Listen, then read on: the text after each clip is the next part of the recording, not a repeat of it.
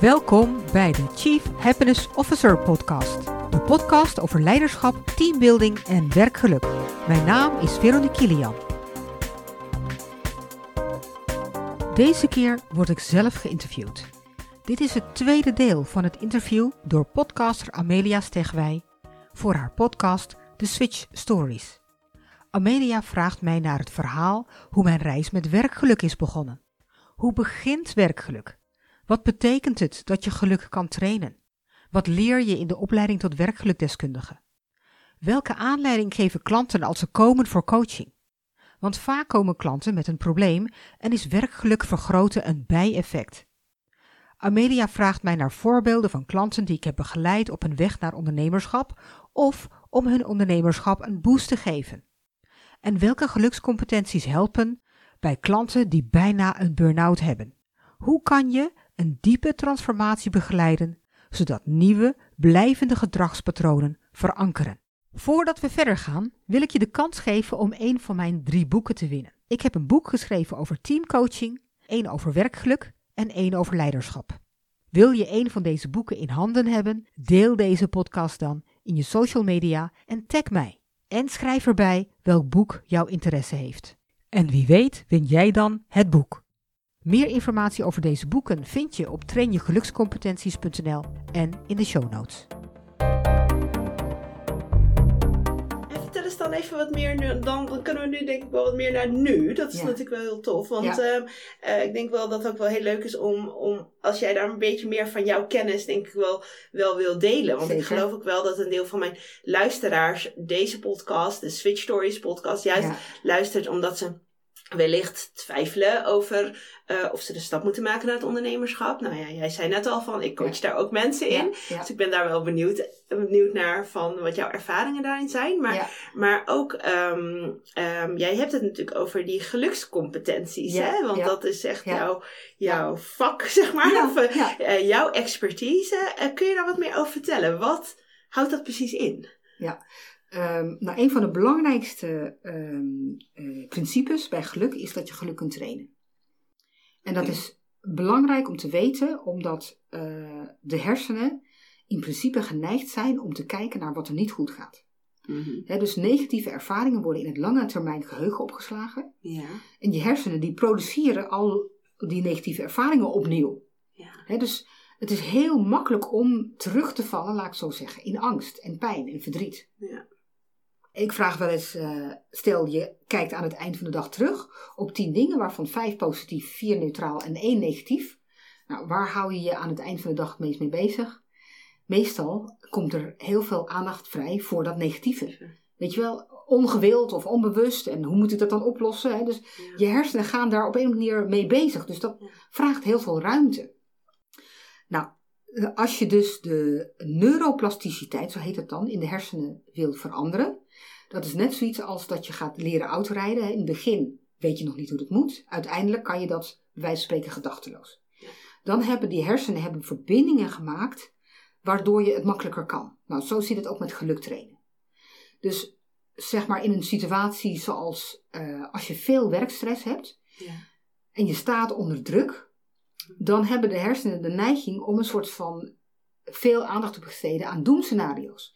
Wat als en nu dit en eh zometeen dan, weet je wel. En dan krijg je dus een bewustzijn wat veel meer gesloten is. Ja. Maar eh, je hebt ook een zogenaamde higher brain. En de higher brain is hier de prefrontale cortex.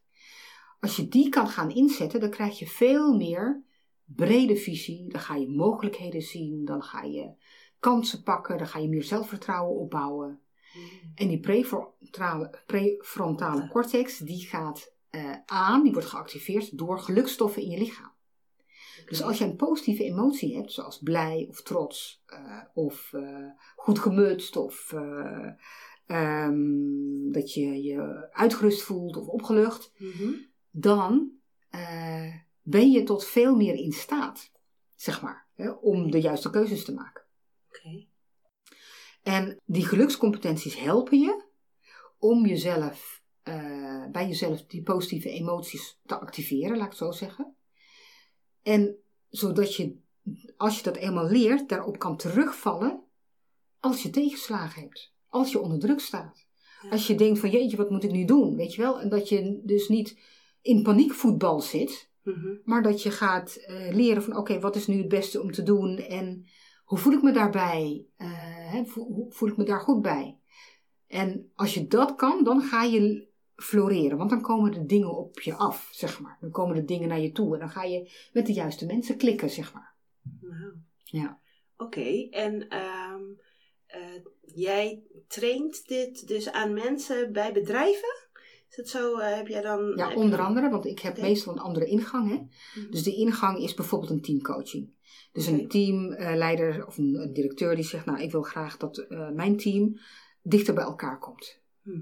En zo heb ik dus een, in het verleden een, eh, een managementteam gecoacht. Die was een half jaar in deze samenstelling, werkte al twintig jaar met elkaar sommigen.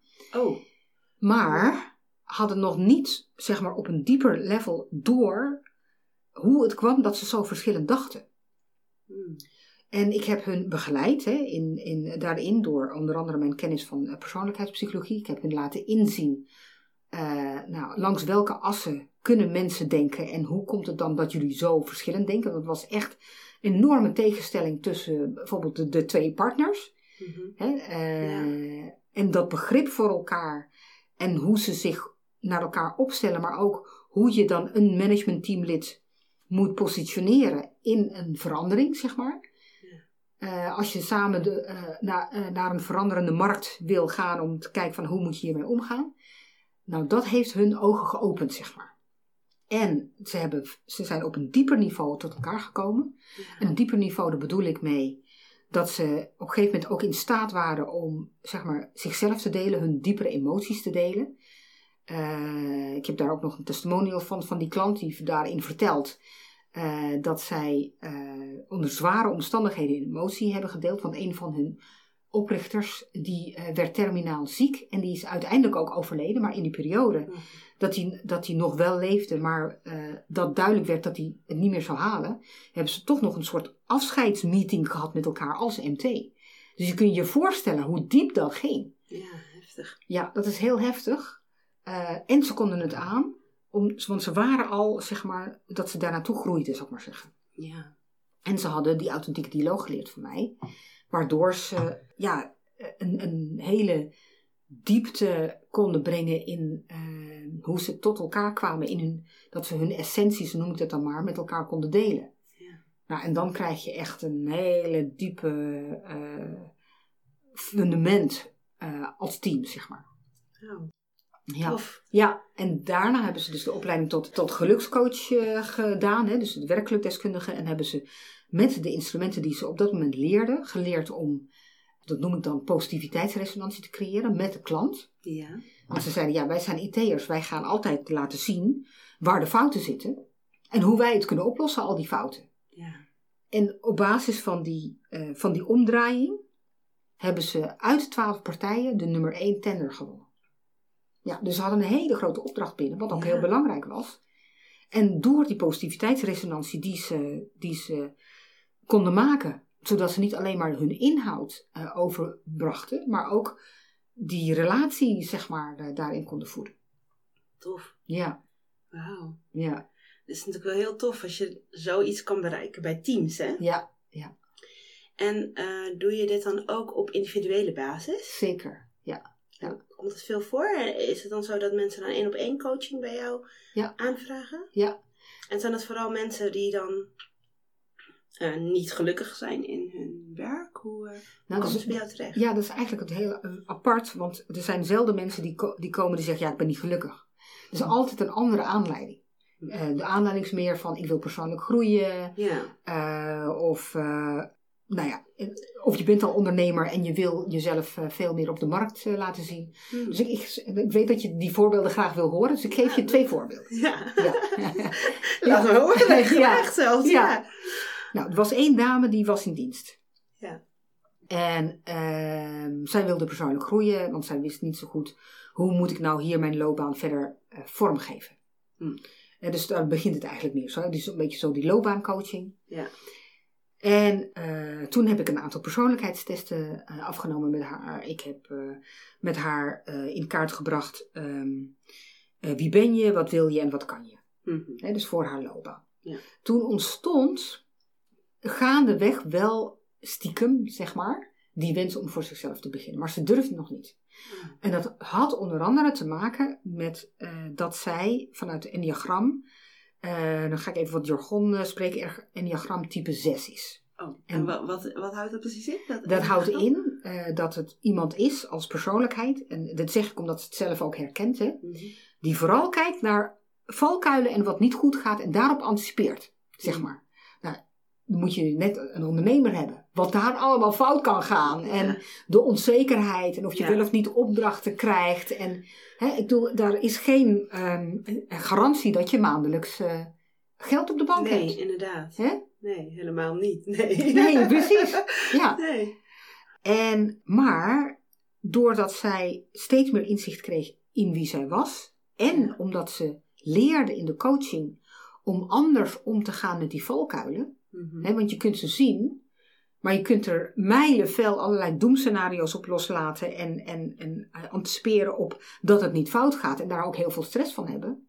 Of je kunt van tevoren eh, de valkuilen zien en zeg maar, ehm, zonder dat je er stress van hebt, reële eh, opvangmogelijkheden creëren. Ja, inderdaad. En zelfvertrouwen creëren. Ja. Nou, wat ik merk is, op een gegeven moment dan maak je zo'n innerlijke transformatie mee, dat, je, dat de stap om het te maken kleiner wordt. En ze had ook nog iets eh, uit te werken met haar eigen leidinggevende. Mm. Hè, want ze, eigenlijk bleef ze uit trouw aan haar leidinggevende bij dat bedrijf. Mm. Dus zolang dat nog niet was uitgewerkt, kon ze die stap ook nog niet nemen. Dus dat was ook nog nodig. Dus er zijn allerlei transformatiestappen, zo noem ik het dan maar, Ja. voordat iemand daadwerkelijk zover is dat de weg vrij is om als ondernemer te starten, je in te schrijven en dat soort dingen. En zij is dat wel gaan doen? Zij is dat gaan doen, ja. Ja. En nou ja, ze verdient meer dan ooit. Ja, oh, wauw. Ja, Ja. ja, Bijzonder hè? Om, Ja. dan de, om dat resultaat dan echt te zien. ja, me. precies. Inderdaad wel heel tof. Ja, Ja.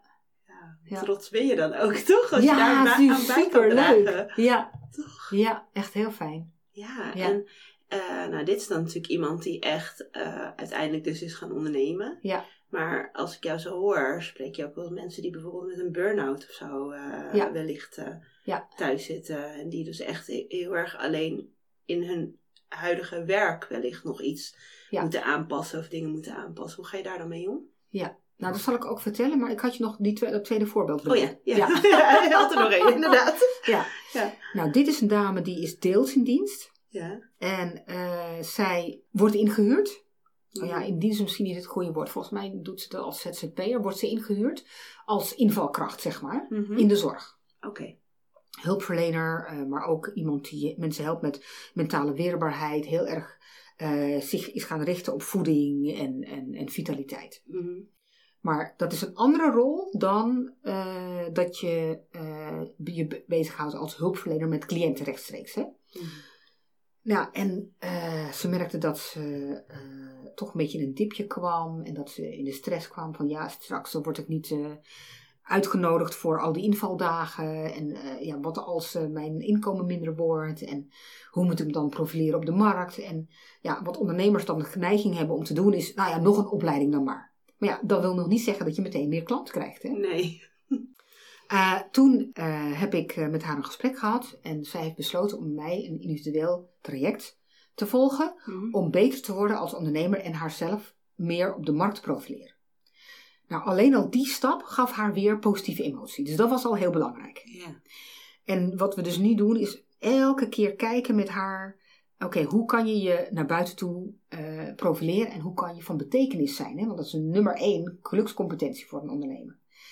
Dus zij is gaan kijken samen met mij naar haar ideale klant. Nou, dan blijkt ze dus verschillende soorten ideale klanten te hebben. Mhm. En daar eh, gaat ze dus nu voor schrijven. Dus ik leer haar nu alles op het gebied van de social media.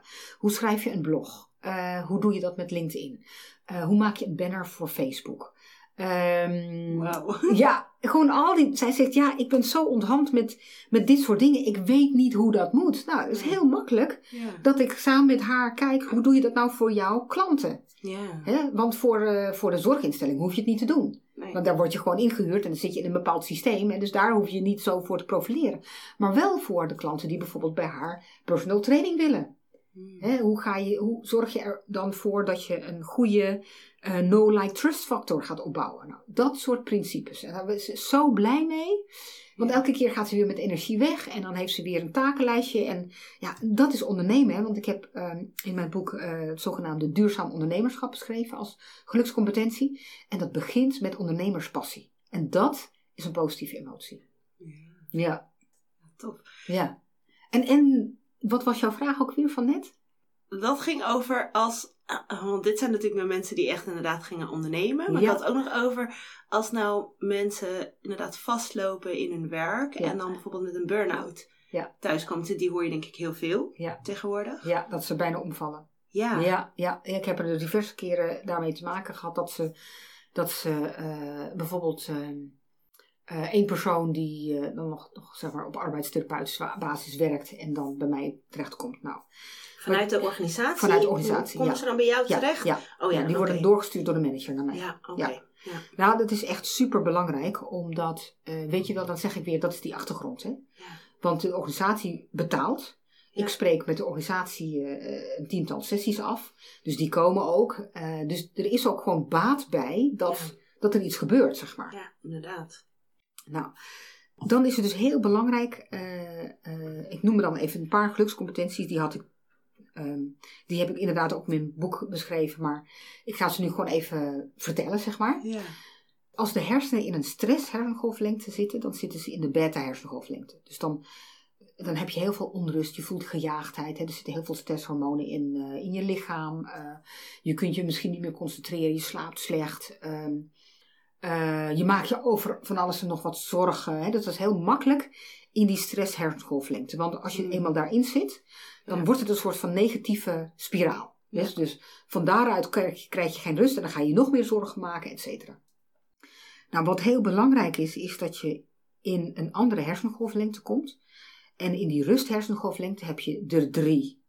Je hebt de alfa hersengolflengte, dan ben je in staat om rustig dingen op te nemen als informatie, zeg maar. Mhm. Eh, je hebt de theta hersengolflengte, dat is de zogenaamde inspiratie hersengolflengte. Dan krijg je de beste ideeën als je aan het hardlopen bent, of je zit Mm. in bad, of eh, net wakker, of net aan het slapen. Ken je dat? Ja, best wel. Ja? ik had het altijd eh, s s'avonds laat. Ja, inderdaad. precies. Dat je echt denkt, van, oh, waarom nu? Ja, Hè? Wat onhandig. Of Ja. je moet net- een, een, eh, een, hoe zeg je dat? Een, eh, een eh, pen en papier naast je Ja, hebben. inderdaad. Dat Ja. had ik vroeger ook altijd Ja, dan precies. naast mijn bed liggen. Ja, inderdaad. Ik probeer ja. dat nu iets te minderen. Maar, Ja, ja. ja. En, eh, en je hebt de delta hersengolflengte. Dus dan ben je helemaal in diepe rust. En dat is een, een, een eh, zeg maar dat je in een soort van stilte terechtkomt. Hm. En eh, daar kun je dus aanwezig zijn in die stilte, terwijl je toch bewust hebt, bewustzijn hebt, zeg maar, bewust bent. Terwijl de meeste mensen in de delta hersengolflengte gewoon slapen. Dan ben je gewoon niet meer bewust, zou ik maar zeggen. Ja, want dan word je wakker en dan heb je misschien nog gedroomd en je kunt je nog wat herinneren. Maar eh, in die delta hersengolflengte opladen, dat is dus echt een vaardigheid. Hm. Dus wat ik bij deze jongen gedaan heb, die dus inderdaad overliep en Ja. zei van ja, eh, hè, als het zo doorgaat, dan ben ik straks echt helemaal eh, eruit. Ja. Die heb ik in het begin elke keer oefeningen gegeven en begeleid om in die andere hersengolflengte te komen. Dat hij voor het eerst in zijn leven eh, een moment kon ervaren dat er even, even helemaal niks was. Dat hij niks dacht, zeg maar. Dat er alleen echt was in een soort zijnskwaliteit. Nou, als je dat steeds meer leert, dan komt ook je lichaam tot rust. Hè? Want eh, ehm, dan gaan er andere stoffen door je lichaam. Hè? Dat, dat gaat die cortisol tegen. eh, als je super gestrest bent. Hè? Een beetje stress is niet erg. Ik bedoel, hè? want dat, eh, dat kan je aanzetten tot goede actie, zeg maar. Mhm. En hè, ik begrijp me goed, als je in een brandend huis zit, dan ga je ook niet zeggen van oké, nou gaan we eerst even mediteren om. hè, dan ga je natuurlijk zorgen dat je eruit Ja. komt. Inderdaad. Maar als er dus geen acuut levensgevaar is, en je, eh, terwijl je lichaam wel reageert alsof er acuut levensgevaar is, dan is het dus zaak dat je dus leert ontspannen. En da- zo heb ik dus hem daarin begeleid, in een soort van mindfulness oefeningen zou je kunnen zeggen. zeggen, is dat dan Ja. een beetje meditatie? Of Ja, Oh, ik noem het mind- mindfulness plus. Want ik eh, ben sinds 2009 ben ik me gaan bezighouden met de Chinese vitaliteitskunde. En dat zijn Taoïstische principes. Dus daar komt mijn Chinese achtergrond weer. Mhm. Dus Als je, eh, even kijken hoor. Als je negatief, eh, als je negatief, ik moet even schakelen hoor. Maakt niet uit, maakt niet uit. Waar had ik het ook weer over?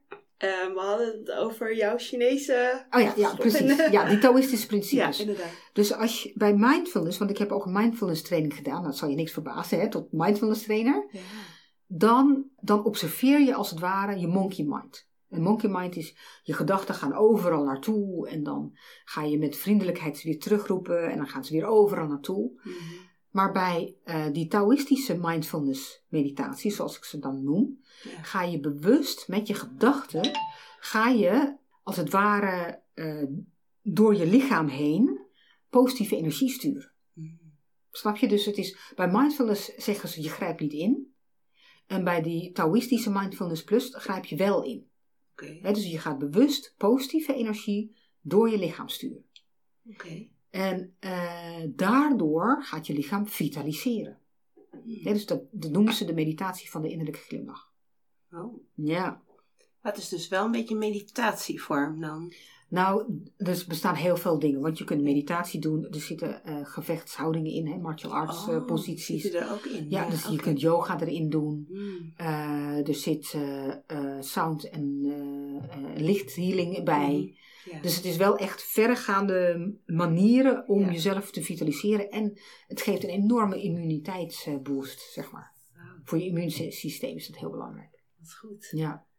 En daarin heb je dan dus echt wel ervaren, dus met mensen, Mhm. dat die dus ook uit zoiets als een burn-out, wat natuurlijk Mhm. gewoon echt Mhm. voor die persoon echt heel vervelend is op dat moment, om daar dan, dan dus uit te kunnen komen en dus ook weer uiteindelijk werkgeluk te vinden. Want, Dat is een onderdeel, want Ja. eh, ik, hè, ik ben transformatiecoach, dus ik ga altijd diep. En daarvoor gebruik ik eh, de opstellingen. En opstellingen, dat eh, gebruik ik eh, opstellingen volgens Rupert. Dat is een bepaalde methode. Rupert is een professor die zich bezighoudt met overleven, uit de stress gaan en vitaal leven. Zo noem ik het maar even in mijn eigen woorden. Dus ik doe dat in een één op één coaching. Dat doe ik met poppetjes. Dus ik noem het poppologie. En Playmobil poppetjes. Dan kan je makkelijker onthouden wie wat is. Hè, en die kun je opstellen. Dus je Ja. kunt je baas opstellen. Je kunt je team Ja. opstellen. Je kunt jezelf opstellen. Ja. Je kunt hulpbronnen opstellen. Je kunt je stress opstellen. En als er sprake is van zoiets dieps. Hè, dat mensen eh, eh, als het ware uit het gareel gaan. Hè, Mhm. dan is het zaak om daarnaar te kijken. Omdat er diepe pijnpunten opgelost moeten worden. Anders blijven ze die met zichzelf meedragen. En dat vraagt enorm veel energie. Ja. En dat draagt Inderdaad. mede bij aan dat burn-out, zeg maar. ja. Want mensen die eh, eh, de neiging hebben om de hele wereld op hun schouders te nemen, en geen nee te zeggen, eh, Mhm. de hele tijd van het padje zijn op het moment dat het team verandert, weet je. Ja. Dat wordt, dat is lastig. Mhm. Dus dat is een ander voorbeeld van iemand die, net zoals wat je net eh, op het punt stond om langdurig uit te vallen. Zij had uh, nou ja, van alles nog wat last. Maar ik heb ook uh, de popologie gedaan bij haar. En daar konden we uh, de oorzaak zien, hoe het kwam. Dat zij elke keer zo van slag was als er verandering was in het team. En dat team was net een kippenhok van duiventeelt, zo noem je dat. Hè? Dat er elke keer nieuwe mensen bij kwamen, andere mensen afvielen. Dus ja, dan blijf je in een constante, zeg maar, slachtoffer van de verandering in het team. Mm. Nou, dat hebben we met popologie moeten oplossen. En los daarvan, zij had uh, een kind uh, wat uh, jarenlang niet goed sliep. Mm. Nou ja, dat heeft haar ook genekt. Ja, dat brengt je ook op ja. als ouder volgens Precies, mij. Ja, ja. inderdaad. Ja. Dus zeg maar, dat traject heeft ze gedaan om beter te leren slapen. Plus dit, waardoor ze nu in een soort stabiele omgeving zit in zichzelf. En, en ja, toen er weer uh, veranderingen waren in het team, had ze er geen last meer van. Dus dat is belangrijk, hè? Ja. Anders val je elke keer weer terug in dezelfde valkuil. Ja. Ja. Wauw. Ja. Zo, als ik jou zo hoor, hè, dan ehm, heb je natuurlijk, je doet zoveel verschillende dingen. Je hebt ook echt heel veel ervaringen. Je hebt ook Ja. heel veel verschillende opleidingen gedaan. eh, om jezelf natuurlijk alleen maar nog beter te maken en nog Ja. beter andere mensen zeg maar, te helpen en organisaties te helpen. Ja. Wat vind jij nou het allerleukste om te doen? Van al die dingen die je doet. Ja. ja, echt met mensen werken. Live. Ja, Ja, en dan live. één op één. Één op één met teams. Oh, met Of teams voor ook. groep staan. Oh ja, Ja, ja.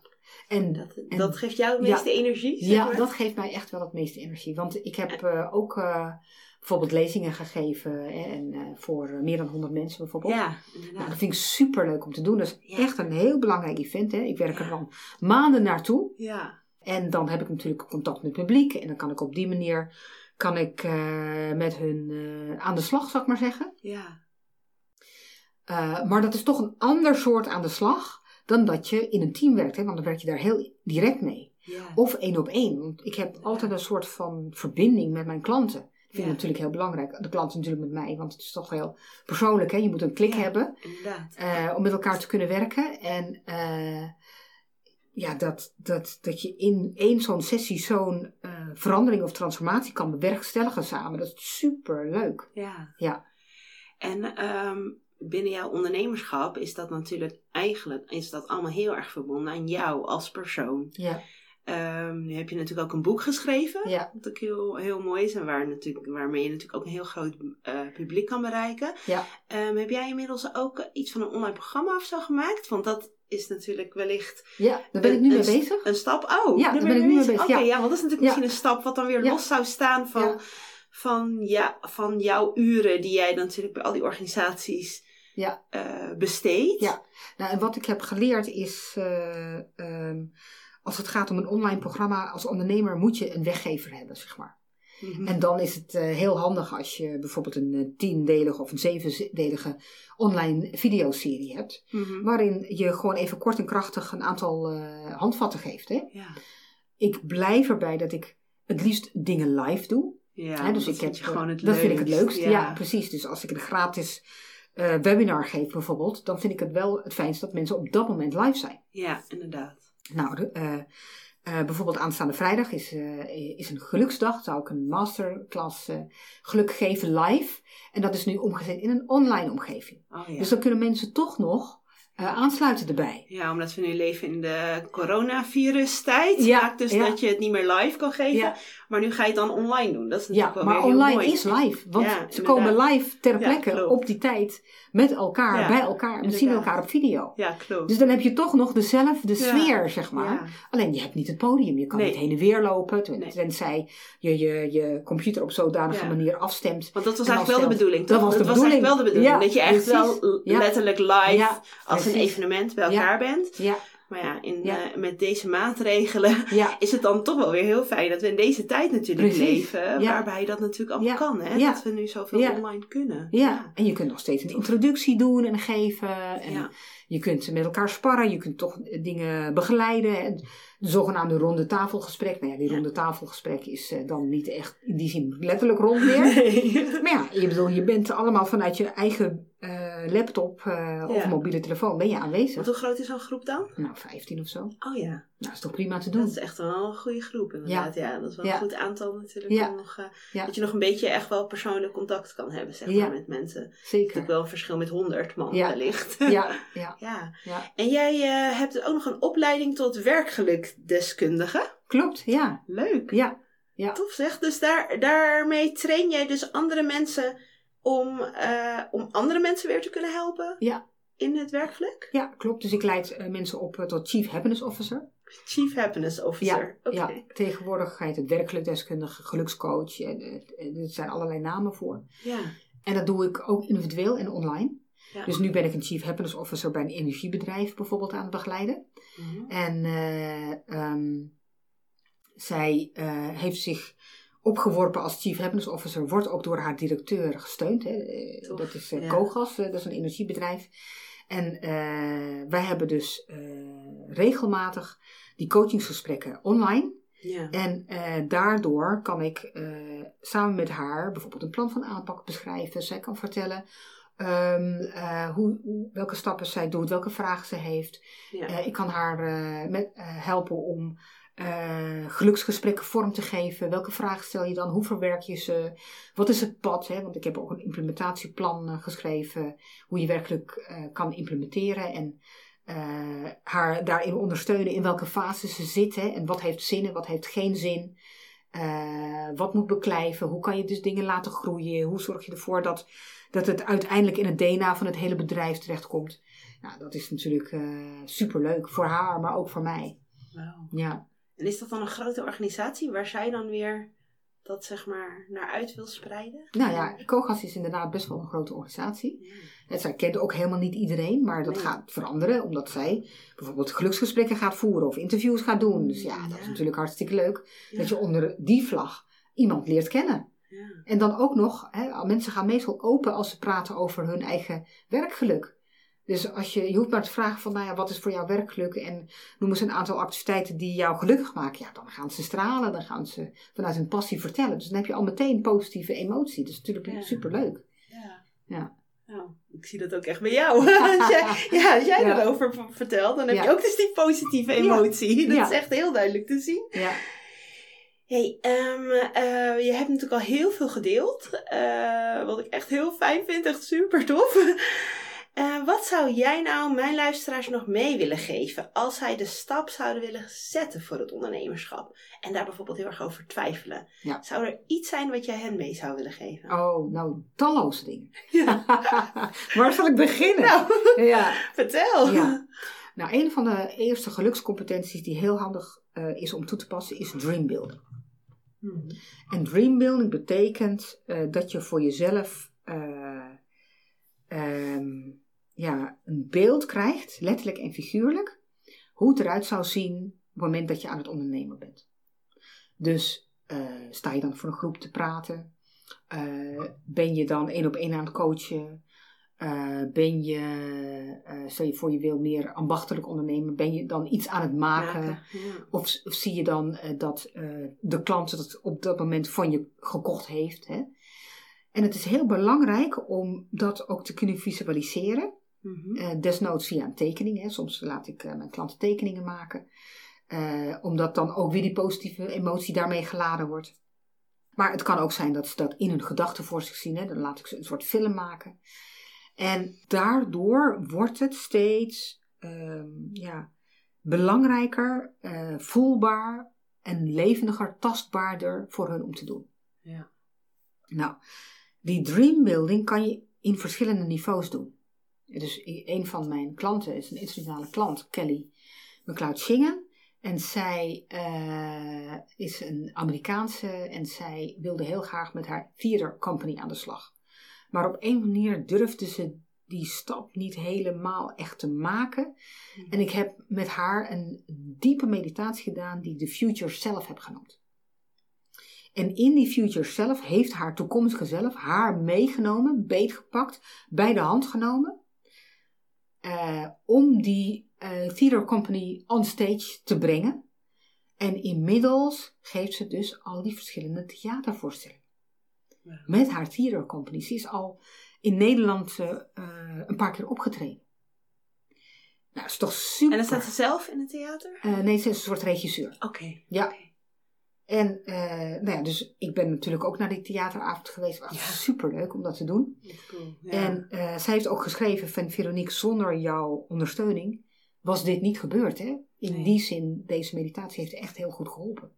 Ja. Want heel belangrijk dat de hersenen geen onderscheid maken tussen later en nu, als je het beleeft. Ja. Hè, dus die, die stoffen worden ook weer aangemaakt. De, de, de, het geluk dat je voelt en ervaart op het moment dat je samen eh, of zeg maar in die onderneming daarmee aan de slag bent. Hmm. Dus daar ben ik heel keen op om dat goed te begeleiden. Hmm. Dus je kan, ehm, en zeker bij ondernemen, dus heel veel mensen die doen iets, maar ja, dan verdienen ze er geen geld mee. Maar dat is geen ondernemen. Nee. Nee, inderdaad. Het moet wel inkomsten opleveren natuurlijk. Tuurlijk. Ja. Dus dan kan je, dus in zo'n visualisatie eh, is er dan wel een moment dat bijvoorbeeld de klant in beeld is. Hmm. Of ehm, eh, dat die met het product of de dienst eh, bezig is die jij geeft, zeg maar. Hè?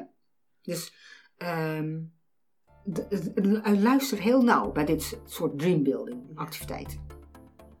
Nou, dat is een van de dingen die ik zeker kan meegeven als het gaat om Wil je dat eh, doen? Nou, wel, wel echt heel mooi dat je dat hebt meegegeven. Dat mensen Ja. eigenlijk gewoon op die manier hun droom al kunnen visualiseren en Ja. daarmee Ja. hun stappen kunnen zetten. Ja, ja. Word je blij van deze podcast? Abonneer je dan nu en laat een review achter en deel het met anderen op jouw social media, zodat meer mensen onze podcast kunnen vinden. Heb je ideeën, tips of wil je een onderwerp inbrengen voor deze podcast? Neem dan contact op via mail, Facebook, WhatsApp of bel. Ook als je een keer wilt proeven van een gratis 1 op 1 sessie. Alle contactgegevens vind je op de website trainjegelukscompetenties.nl.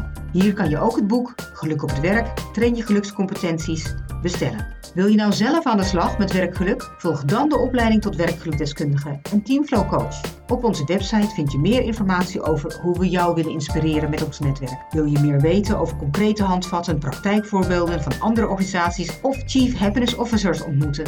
Kijk in de blogs of kom naar een van onze events. Tot de volgende keer!